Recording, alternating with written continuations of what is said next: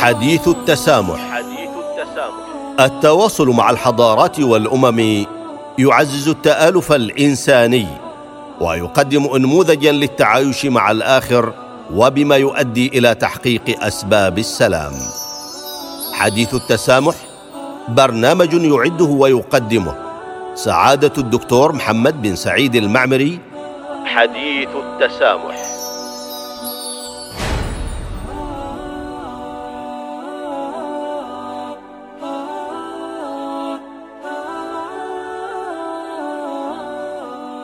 بسم الله الرحمن الرحيم الحمد لله والصلاه والسلام على رسول الله وبعد السلام عليكم ورحمه الله تعالى وبركاته مرحبا بكم مره أخرى ايها المستمعون والمستمعات لاذاعه الصمود في حلقه جديده من حلقات برنامجكم حديث التسامح في هذه الحلقة نتناول باذن الله الحديث اليكم حول اثر الوقف في تعزيز قيم التسامح والقيم الإنسانية المشتركة أو كيف يعزز كل منهما الآخر ويكمله. ونلقي الضوء في هذه الحلقة أيضا على جانب مشرق من جوانب الحضارة الإسلامية ودور هذا الجانب في تعزيز مشاعر التسامح والتآلف والترابط بين أبناء المجتمع من خلال توظيف قيم الوقف أو الأوقاف في المجتمع. يعرف الوقف لغة بالحبس والمنع وفي الاصطلاح هو حبس الأصل وتسبيل المنفعة. وفيه قال العالم محمد بن يوسف الطفيش الوقف حبس الموقوف والتصدق بالمنفعة. وقال ابن حجر الوقف منع بيع الرقبة والتصدق بالمنفعة. وكذا قال ابن قدامة بأن الوقف مستحب ومعناه تحبيس الأصل وتسبيل الثمرة. وعلى هذا يكون الوقف بحبس العين وعدم التصرف فيها ببيع أو هبة أو رهن وغيرها من التصرفات التي قد تؤدي إلى تملك الوقف وانقطاع ما وقف لأجله. ويمكن القول كذلك بأن نظام الوقف في الإسلام مرتبط بمفهوم الصدقة الجارية فهو صورة من صور الصدقة ونظام ارتبطت به مؤسسات خيرية واجتماعية عدة على مستويات مختلفة كالأسرة والعائلة والمجتمع والأمة منذ بزوغ فجر الإسلام وانتشار نوره. والمتأمل في مسيرة الوقف في الإسلام ومع تطور المجتمعات الإسلامية والتاريخ المعاصر يجد بشكل واضح بأن الوقف تطور كذلك تطورا جذريا. فلم يعد الوقف كالسابق مؤسسة أهلية أو فردية ذات استقلال مالي وإداري وحسب بل تعدى ذلك ليصبح الوقف تحت مظلة المؤسسات الحكومية تحكمها القوانين وتنظمها اللوائح وتطورها الخطط والسياسات. والوقف الخيري بأشكاله المتعددة له مساهمات اجتماعية واقتصادية في اتجاهات مختلفة فهو يساند الدولة والمؤسسات الخدمية في رعاية الأفراد ومصالحهم من خلال مساهمته الدائمة في إزاحة بعض من تكاليف وأعباء الخدمات العامة.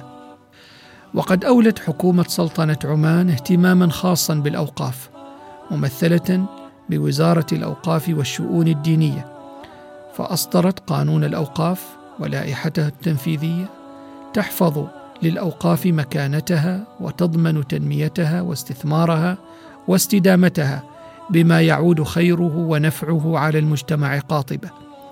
بجانب إعداد الخطط والمشروعات الكفيلة بتنمية واستثمار أملاك الأوقاف ومشروع السهم الوقفي الذي سهل عملية مساهمة الأفراد في المشاركة في الوقف بمبالغ رمزية من أجل خدمة وتنمية الأوقاف. ومن أهم صور تطور الاهتمام بالأوقاف في السلطنة ما نص عليه قانون الأوقاف بإنشاء المؤسسات الوقفية في إطار رؤية متكاملة ومنظومة تشريعية وقانونية وإدارية كانت ثمرة تجربة عملت عليها وزارة الأوقاف والشؤون الدينية قرابة عشرين سنة مع نظرة فاحصة لتجارب خارجية مماثلة. وجاءت فكرة المؤسسات الوقفية لتشكل بادرة حضارية مستقلة تعد الأولى في بنيتها الاستراتيجية والتنفيذية في العالم الإسلامي حيث إنها تتيح للمجتمع الشراكة الحقيقية في إدارة الأوقاف واستثمارها بنظارة وإشراف الدولة. ويهدف المشروع إلى تحريك المجتمع الخيري وفاعليته عبر المؤسسات الوقفية بتقديم رؤية جديدة للأوقاف تتناسب مع الوقت الحاضر وحاجة الناس كما يقدم افكارا مبتكرة للمؤسسات الخيرية لتوزيع مواردها المتاحة بما يحقق تنمية المجتمع في مختلف محافظات السلطنة ويفتح افاقا وقفية برؤية عصرية للداعمين وأهل الخير لتأسيس مشاريع وقفية تنموية. كما أن المشروع سيحقق الاستقلالية التنفيذية للمؤسسات الوقفية بعيدا عن المركزية والدورات المكتبية المعتادة وذلك للاستثمار الأمثل للطاقات والموارد البشرية بالمجتمع لدعم الأوقاف وتعزيز المساهمة في عمارتها وتطويرها بالفكر والخبرة والمال لتؤدي رسالتها الحضارية. وتامل وزارة الأوقاف والشؤون الدينية من هذا المشروع المؤسسات الوقفية بأن يتفاعل المجتمع معه ليرقى بالخيرية في إطار مؤسسي متكامل يسهم فيه الجميع لتحقيق مكاسب حيوية تستلهم من الشراكة الحقيقية بين الحكومة والمواطنين. كما يأمل أن تسجل مبادرات وطنية بتأسيس مؤسسات وقفية عامة أو خاصة تعمل على تحقيق الأهداف الاستراتيجية التي تسهم في تلبية تطلعات المجتمع ومؤسساته التي يتنافس أهل الخير والمعروف من مختلف ولايات السلطنة للمسابقة المحمودة في إنشائها. على أن تتاح فرص استثمارية واعدة يبتكرها القائمون على هذه المؤسسات بحيث تغني بريعها الموقوف له وتسد متطلباته الإنفاقية. كما تأمل الوزارة من المؤسسات الوقفية أن تتوجه مختلف القطاعات للاستفادة من ديمومة الوقف وأصوله الثابتة عبر منظومة هذه المؤسسات بحيث تتحول من فكرة الإنفاق المباشر إلى إيجاد مصادر تنموية مستدامة تمكنها من تغطية متطلبات الإنفاق لديها لتحقيق أهدافها. وأن تنتقل الأوقاف من طريقة الإدارة الفردية عبر الوكلاء إلى العمل المؤسسي المتكامل بحيث تندرج بقدر مساهمتها في واحدة من المؤسسات الوقفية الواعدة. وتسعى الوزارة كذلك إلى تحقيق رؤية المشروع بتكوين نماذج من المؤسسات الوقفية الإبداعية العامة أو الخاصة بحيث تصلح أن تكون منتجا نوعيا متكاملا يقدم كمشروع عماني حضاري يستأنس به ويستفاد منه في المحيط الإقليمي والدولي في إدارة الأوقاف واستثمارها وتنميتها. أيها المستمعون الأكارم، إن من أقدم الأوقاف في عمان وقف الإمام الوارث بن كعب في العام 807 ميلادية، وتخطت مصاريف الوقف العماني حدود عمان لتعبر خيراته الحدود، ومن أمثلة ذلك وقف يزيد بن عزيز بن راشد العماني في القرن الثالث عشر للميلاد حيث أوقف حينها عددا من البساتين في بهلة لصالح المسجد الحرام بمكة. وكذلك أوقاف الرباط العماني في مكة المكرمة والتي أوقفها السيد حمود بن حمد البوسعيدي لفقراء العمانيين من الحجاج والمعتمرين منذ عام 1872 ميلادية ولا يزال هذا الوقف مستمرا إلى يومنا هذا.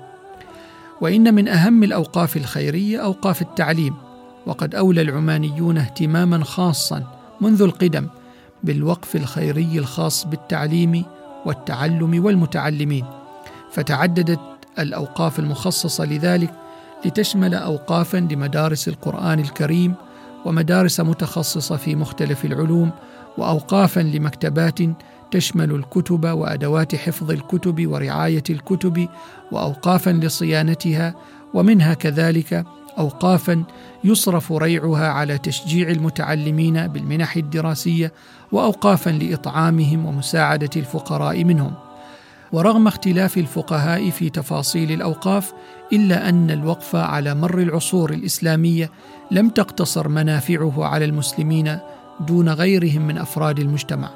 وهذا بدوره كان سببا مباشرا في توطيد التسامح والتعايش وتعزيز العلاقات الاقتصادية وبناء جسور التواصل الحضاري مع العالم.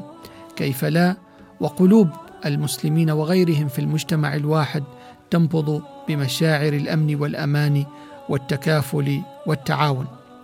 ولا عجب أن المجتمع الذي ينتشر فيه الوقف ويتعدد مصارفه فيه يعزز في أفراده مشاعر الألفة والتسامح نتيجة لضمور مشاعر البغضاء والأنانية والحقد والحسد ومن جانب آخر انتشار الشعور بالألفة والتآزر والمحبة والتماسك كما أن الأوقاف تسهم في اتقاد بذرة روح العطاء وحب المساعدة والميل إلى التكافل وتحسس حاجات الناس واحتياجاتهم. فلقد كانت ولا زالت مؤسساتنا الوقفية تفتح أبوابها للإنسان دون تمييز وهذا مسطر وموثق في كتب الرحالة والمستشرقين الذين وصفوا الأوقاف الإسلامية وخدماتها ومصارفها. ونكمل الحديث معكم حول هذا الجانب في الحلقة المقبلة بإذن الله وتوفيقه. وحتى ذلك الحين نستودعكم الله الذي لا تضيع ودائعه. والسلام عليكم ورحمة الله تعالى وبركاته. حديث التسامح. التواصل مع الحضارات والأمم يعزز التآلف الإنساني ويقدم انموذجا للتعايش مع الآخر وبما يؤدي إلى تحقيق أسباب السلام. حديث التسامح برنامج يعده ويقدمه سعادة الدكتور محمد بن سعيد المعمري. حديث التسامح.